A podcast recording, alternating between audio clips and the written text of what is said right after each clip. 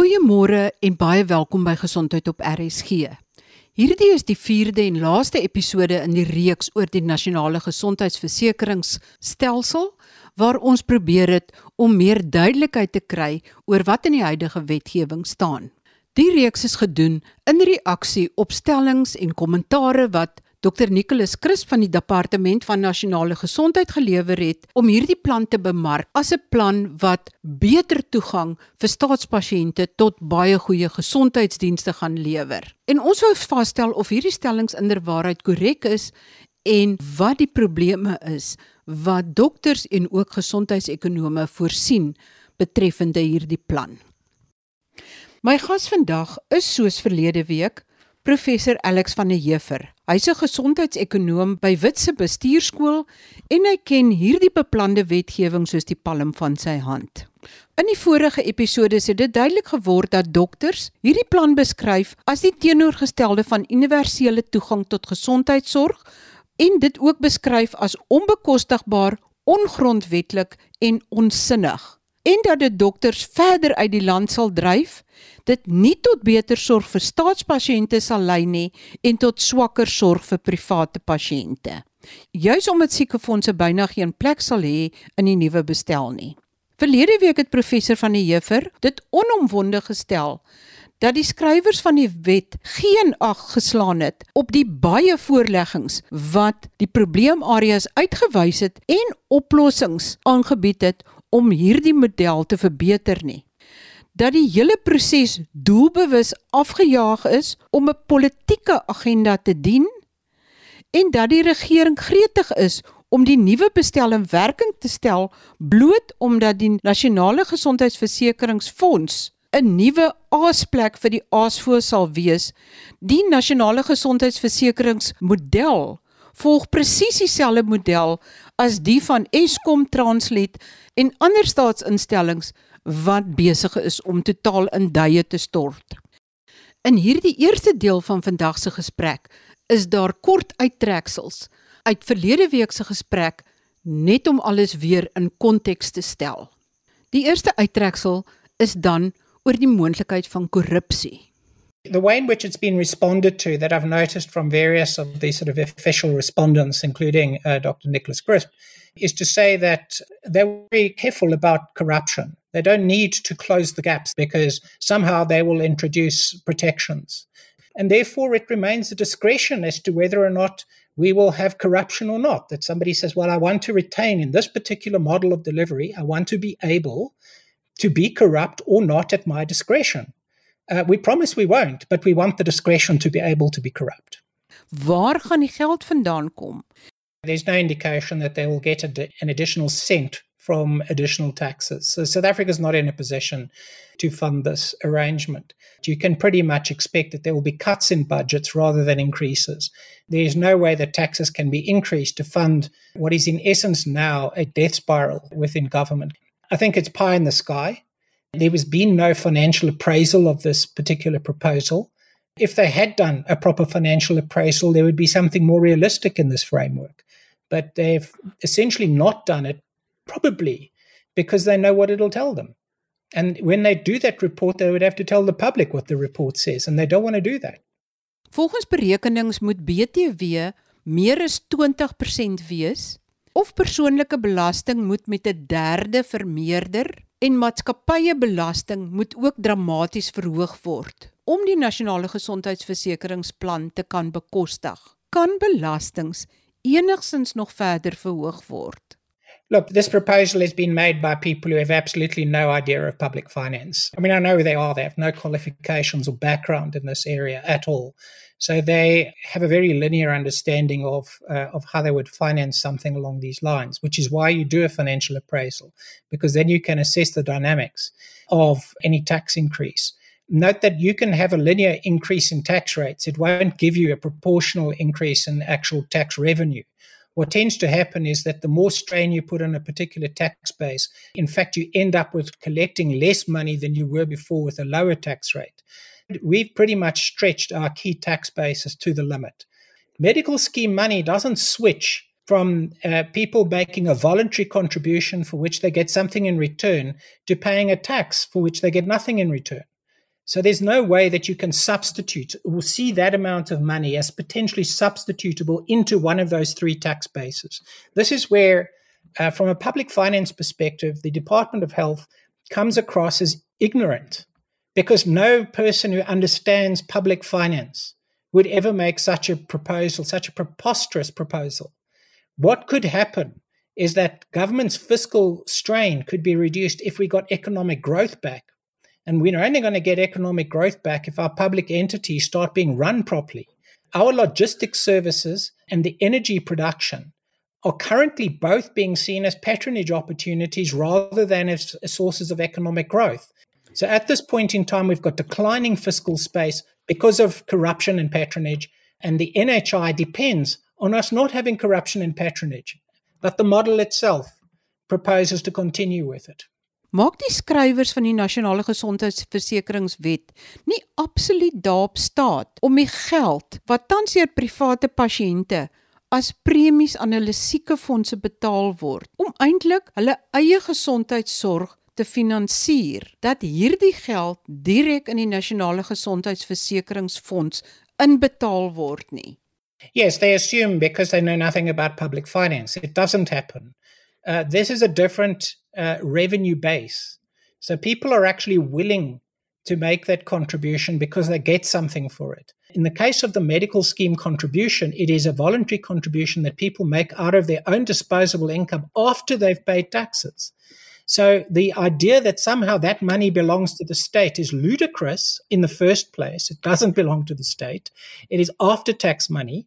And that money itself will not shift even if you try to increase tax rates. It will not move into the state. This is the stupid logic that we've had in this debate. And it's because of this nonsense that we've actually been able to see this proposal continue for years and years, despite the fact that it is just fiscally impossible to implement. That's the fiscal side. And I'm not even talking about the institutional nonsense that is in the bill itself. Dan sê die wet dat as die nasionale gesondheidsversekeringsplan 'n toestand of 'n prosedure aanbied byvoorbeeld 'n heupvervanging, dan kan my mediese fonds dit nie meer dek nie. Mag die regering my reg om my dokter, my spesialis en my keuse om aan 'n mediese fonds te behoort net so wegneem? I think that this particular provision falls foul of section 27 of the Bill of Rights. And it becomes a, uh, a restriction on people's pre-existing right to healthcare. You have a right to buy your own healthcare. It's a way of accessing the system, and it's over and above. It's resources that are over and above what is available to the state.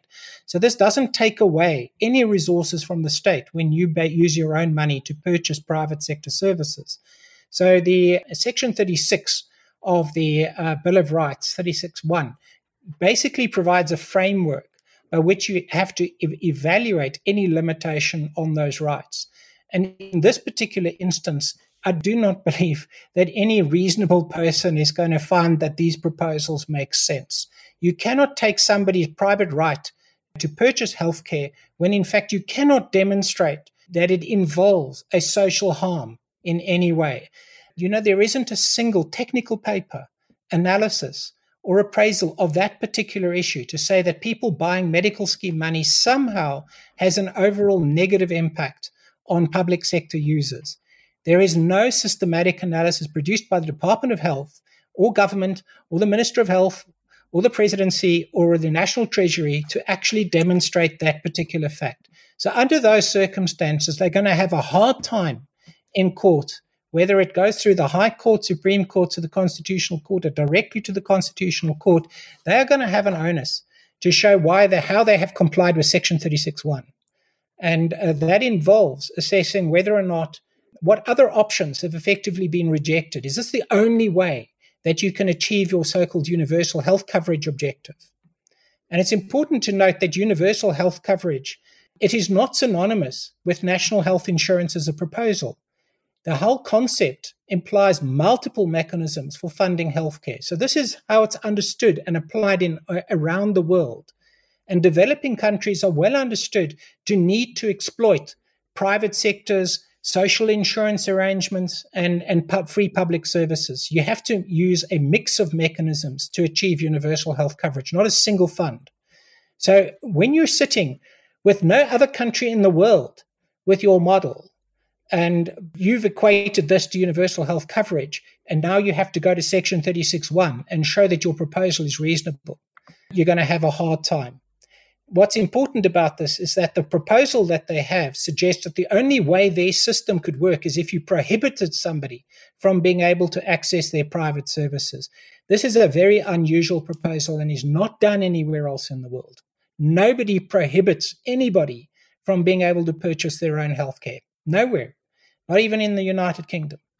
So Eskom prohibited competition as its way of creating a state monopoly, which obviously lent itself to corruption. When you can't actually promise to provide good quality services, you cannot remove somebody else's ability to purchase those services privately. So this is section 33 is absolute nonsense and really suggests that they're perfectly aware that they will never be able to provide services that will attract people away from private coverage. So they're just going to prohibit it. The state system, first of all, is the easiest one to finance on a sustainable basis. It's the easiest one to resource on a sustainable basis. And it's the easiest one in South Africa to create a structured referral system. None of those things have been implemented under the current systems. Now, the proposed NHI suggests that they're going to do all sorts of things they haven't been able to do to date on systems that were easier to run than the one they're proposing. The reality is, what they've got are a series of paper proposals. It is so far outside their capabilities. Part of making sure that the public sector is restored to good health means attacking those patronage networks and systems. But it's quite clear they're not prepared to do that because too many interests would be affected. Because the patronage is the killer. Inappropriate appointments in leadership positions, people who are prepared to turn a blind eye, people in charge of supply chain management who are prepared to let transactions go through that shouldn't go through, staff that just shouldn't be there, stuffing layers of middle management into the provincial departments of people who shouldn't be there and who do very little, etc., etc. That is basically a system of patronage that is has too many vested interests, both within the unions as well as within the ANC and the governing party, to have them actually take any action. So, yeah, the problem is that they should begin with turning around these services it's the logical thing for any reasonable, logical thinking person in South Africa. The fact that they're not prepared to do it shows that they're not interested in turning around these services. And quite clearly, this government at the moment isn't capable of doing it. Sal Suid-Afrikaanse dokters bereid wees om in 'n stelsel te werk wat aan hulle voorskryf waar hulle mag werk en hoe hulle mag werk? En ek vra die vraag nou aanleiding van die South African Health Practitioners Collaboration wat baie bekommerd is dat die nasionale gesondheidsversekeringsstelsel dokters uit die beroep gaan dryf en ook na die buiteland gaan dryf. They wouldn't if it were implemented. What has been proposed and what they think they can do is not doable. So it's not going to materialize. I think that a lot of the doctors at the moment are reacting more to the uncertainty because they, you know, they can't visualize what's actually going to happen in 2024 and 2025. So they start to kind of uh, think ahead and start making plans, which is which is worrying, because in fact we're going to be losing critical healthcare personnel in South Africa because of this uh, really really stupid idea and plan. But the reality is nothing will really change for them I mean, for the next 20 years, nothing is going to change. The reality is, what is being proposed is not implementable. It is way beyond the capabilities of the National Department of Health and the talking heads there. It's way beyond their capability. The stuff that they've listed that they want to do is just paper plans. It can't be done. Is daar 'n lys van dienste of behandelings of prosedures wat die nasionale gesondheidsversekeringsstelsel gaan aanbied of dan minstens 'n lys van die basiese dienste wat beskikbaar gaan wees? They have no idea how to establish a basic package of services. So where you've got a supply driven system where your your package is basically the services you provide you essentially have to ration in some way. You've got to decide on what you provide and what you don't provide. That's the exercise. That rationing process is extremely complex and in some cases involves protocols, but it also involves the kind of services you make available. You make a trained doctor available, uh, a specialist, etc., who can do a whole range of things in terms of their scope of practice. That implicitly determines a package of services. You can limit what that doctor will do strategically through saying they can only really use these drugs or that treatment protocol. But that would require the development of these protocols and systems, which, which don't really exist systematically throughout the state. They also don't exist systematically in the private sector.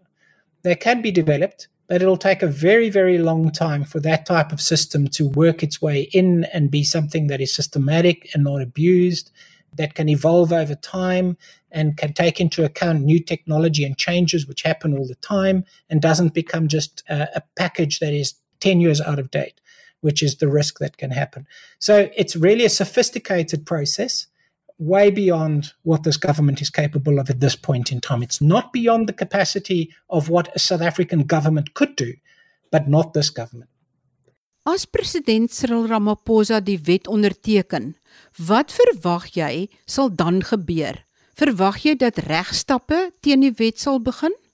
Well, uh, there are a number of options. One is that the president may sign it and refer the act to the Constitutional Court for review in anticipation of the legal action because it's going to happen. And they might want to try that because it saves it going through the High Court, Supreme Court, all the way to the Constitutional Court. It'll be a longer pathway if they don't refer it directly. So it's quite probable that it will actually be referred in anticipation because, uh, you know, the legal teams are already being set up it's definitely going to court no matter what. They've just got to decide which court it goes to. Then they're going to have to argue their case. If the president doesn't refer it and just signs it, then at that point, legal action can begin. Legal action doesn't begin prior to the bill being signed. Is daar 'n aspek wat Dr Nicholas Crisp en sy span van die departement van gesondheid onmiddellik kan begin implementeer nadat president Ramaphosa dit geteken het? Well, I think that they're underway, moving to do things in terms of existing frameworks within the National Department of Health. He appears to be wanting to set up a product procurement office or something along those lines. Um, it's unclear how that would operate or uh, what the enabling provisions are for that, but I presume that they will try and take advantage of the existing Health Act and powers that are given to the National Department of Health. It doesn't mean that there's a National Health Insurance Fund. I'm not sure how any of that will work or what they anticipate is going to happen with that kind of framework. But I presume they will try and move forward with some little things that they think they can get away with. Die regering beloof met die nasionale gesondheidstelsel en die nuwe wet dat daar beter toegang tot gesondheidsdienste vir veral staatspasiënte sal wees en hulle beloof ook beter gesondheidsdienste aan staatsafhanklike pasiënte. Is dit moontlik met hierdie nuwe wet? Yeah, they shouldn't be making those promises because they can't keep them. The actual system itself is nothing more than a paper idea. It's not a real system. And what they're talking about is to replace two existing systems with a third. And that has never been tried and tested before. To make promises on the basis of such a radical change in the system is uh, irresponsible but it's a way that people use to to try and create some kind of support for the proposal because you then promise the earth which you know you can't deliver or you suddenly start saying you're only going to get it 30 years from now then the promises become easy. You can say whatever you like if it's 30 years from now or 40 years or 100 years. What they've really been trying to say is well you know we will be phasing this in over a long long long long long time and uh, your grandchildren and great grandchildren are really going to be the beneficiaries and uh, theoretically, the kind of uh, promises they're being make and made are, are, for those people, the people five generations from now, in theory. when you make promises for people five generations down the line, you can make any promise you like because you're never going to be held to account for non-delivery. Wat sal jy op die oomblik sê aan bekommerde mediese fondslede, met ander woorde private pasiënte en ook aan mediese fondse? Well, the Health Market Inquiry identified a number of structural reforms to improve the regulatory framework for medical schemes, which would improve competition, transparency, um, supervision of quality, the simplification of benefit provisions, the establishment of a more transparent and better structured set of prescribed and benefits, a large part of this through the introduction of a risk equalization mechanism, which has been proposed in several instances in the past and is in place in a large number of countries which have equivalent medical scheme systems to South Africa. So, those are the frameworks that should be considered. They would take a, probably a concerted effort to implement, a properly considered uh, task teams and so on to be able to do it. Unfortunately, the Department of Health doesn't have them, doesn't have people who can do this but there are people in South Africa who can. So it's not that South Africa can't. Uh, I'm afraid it's pretty much like the NHI. It's that this government can't. And uh, until this government is changed, we're going to be in a position where a whole lot of things that can be done by South Africa are not going to be done by our government. Wat sal jy aan dokters sê wat nou baie bekommerd is en daaraan dink om op te hou praktiseer of selfs om te emigreer omdat hulle nie kan sien om onder so 'n voorskriftelike stelsel te werk nie? Well, I'd say hold fire because the stuff in the bill is not going to happen. I would, from their side, I would support the associations who are taking legal action. So make sure that this act is challenged in Parliament. And until that process is complete, I wouldn't make any hasty decisions at this point. At this stage, this bill is an indication of overreach. It's pro- policies and proposals that government cannot implement. And therefore, nothing will really happen. The status quo will largely remain. And as I said, there are aspects of the status quo that shouldn't remain and require properly considered government policy to adjust in the interests of the providers and patients, but they're not going to happen for a while. So, what we will see is the status quo. But I would say rather support action against this to make government behave rather than take drastic personal action. Ek wil terugkom na die beginsel dat elke mens die reg het om te kies of hy of sy aan 'n mediese fonds wil behoort en of hy via mediese fonds dan vir sy eie private gesondheidsorg wil betaal en weliswaar uit sy eie sak uit. Jy het onlangs gesê dat elke mens die reg het om van private sekuriteitsfirmas gebruik te maak as die polisie nie voldoende misdaad kan bekamp of jou veiligheid kan verseker nie. Jy het gesê dat die reg op keuse van 'n mediese fonds en op private gesondheidsorg en die reg op private sekuriteitsdienste op dieselfde beginsel gegrond is. Kan jy meer hieroor uitbrei?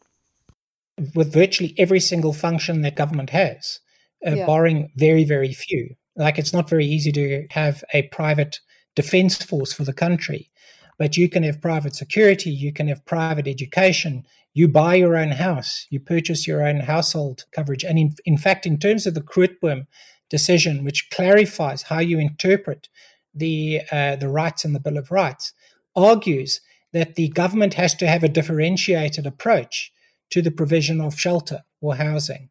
In the case of people who have inadequate incomes, people must be subsidized with an ability to access shelter.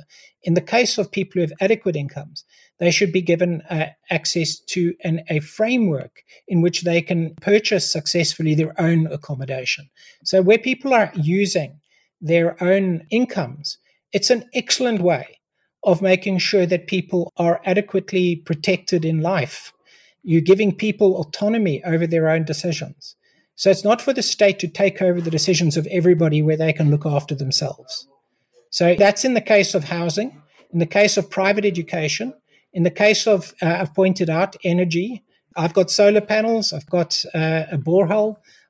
Those things are a consequence. I wouldn't even have thought of doing them if Eskom and our water services hadn't collapsed the way they have but I can do them, and nobody should stop me from being able to do them unless there is some very clear public harm that results from me doing that myself. And nobody can actually show in any of these other instances education, security, and healthcare what my being able to buy my own services, how that harms the rest of society.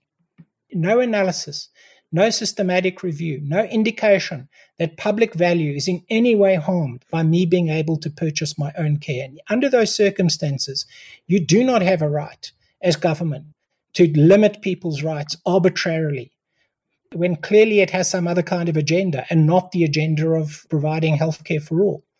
And I've only listed a few. It pretty much applies to everything that exists. If PRASA fails to operate, you have to use a taxi. If Transnet fails to operate effectively, you have to use trucks. Hmm. Unfortunately, that is a problem because, in fact, we rely on both. If we, the post office collapses, we're using PostNet and all sorts of other postal services. Is the solution to the collapse of the post office to now prohibit and shut down PostNet? You know, that's the logic that's applied in NHI.